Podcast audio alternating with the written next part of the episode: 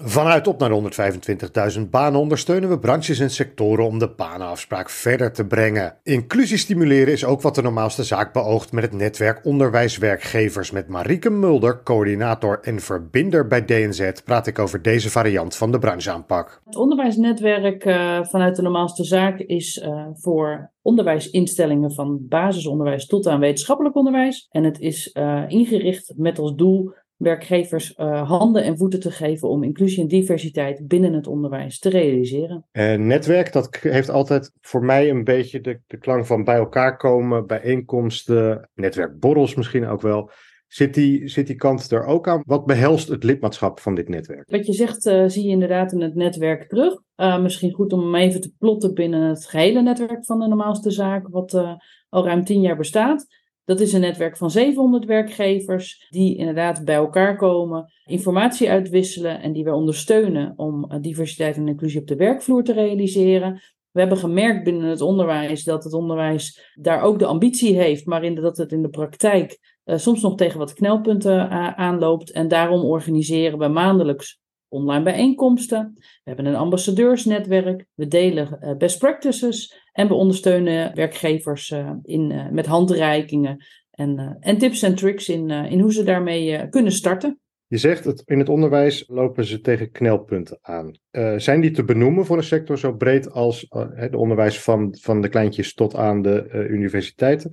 Ik denk dat, dat er wel wat nuanceverschillen zijn tussen bepaalde branches. Maar als je kijkt naar hè, even breed, zijn uh, onderwijs- en overheidswerkgevers. Overheidswerkgevers moeten nog indribbelen met het realiseren van die banenafspraak. Je ziet bij veel onderwijsinstellingen dat de focus vooral op de banenafspraak uh, ligt. Er zijn ook onderwijsinstellingen die breder kijken dan, uh, dan alleen de banenafspraak en gaan voor de brede inclusie- en diversiteitsbeweging. Maar als je kijkt naar bepaalde thema's en knelpunten, die we het afgelopen twee jaar in het netwerk ook hebben aangekaart, dan heeft dat natuurlijk ook te maken met de krapte in de sector. Heeft dat ook te maken met uh, begeleiding, met draagvlak, met uh, het feit hoe scholen zelf georganiseerd zijn op bijvoorbeeld de HR-afdeling. Dus er zijn wel degelijk knelpunten te benoemen waarom het lastiger is voor onderwijswerkgevers om, om met het thema aan de slag te gaan. Maar daartegenover staan natuurlijk ook een tal van goede voorbeelden om te laten zien dat het wel degelijk mogelijk is. En daarvoor zijn de best practices dan ook uh, bedoeld natuurlijk, om die verhalen te vertellen en te laten zien. Maar ja. kun, kun je voorbeelden noemen waarin je binnen het netwerk hebt geholpen of een poging hebt gedaan om knelpunten op te lossen? En op welk, hoe concreet moet ik me dat dan voorstellen? Mm, dat kan eigenlijk van individueel niveau tot aan, uh, tot aan een collectief uh, gaan waarin we kunnen, kunnen ondersteunen. Dat is ook denk ik de kracht van het netwerk, want er zijn uh, ruim 80 onderwijsinstellingen aan verbonden die elkaar ook echt op weg helpen en een ambassadeursnetwerk die daarin uh, ook fungeren als, uh, als oliemachine. Maar om een voorbeeld te geven van kleine MBO-instellingen die iets willen doen met sociale inkoop en hun ondersteunen met, met workshops sociale inkoop. Dus hoe ga je aan de slag met partners om middels sociale inkoop ook ten aanzien van de banenafspraak uh, gezamenlijk uh, te, een, een, ambitie te realiseren, tot aan scholen in het noorden, uh, onder de noemer Noorderwijzer, met 16 scholen de krapte tegengaan in de regio, middels ook strategisch HR en inclusie. En dat wordt dus ondersteund vanuit het netwerk. Je noemt net al de ambassadeurs, de, de, ja. de uithangborden. Leg alsjeblieft even het idee daarachter uit en uh, mm-hmm. Als je een pitch zou mogen houden, waarom zou ik, waar ik werkzaam in het onderwijs, mij als ambassadeur daaraan moeten verbinden? We hebben binnen het onderwijs een aantal ambassadeurs en ze houden eigenlijk zich op hun eigen manier bezig met de banenafspraak en inclusief werkgeverschap binnen hun eigen onderwijsinstelling. En daarin zie je accentverschillen. Niet alleen uh, vanuit welke branche uh, ze, ze komen, bijvoorbeeld vanuit MBO, HBO of de universiteiten. Maar er zitten ook uh, accenten in kennis en ervaring. Zo zijn we bijvoorbeeld met een aantal uh, ambassadeurs uh, aan de slag. de onderwijsspecialisten die echt expertise hebben om bijvoorbeeld te werken met een bovenformatief budget en daar een projectorganisatie op hebben ingericht. de Universiteit van Utrecht heeft weer expertise op draagvlak creëren en bijvoorbeeld hun eigen ambassadeurs en, en, en buddies inzet op de werkvloer.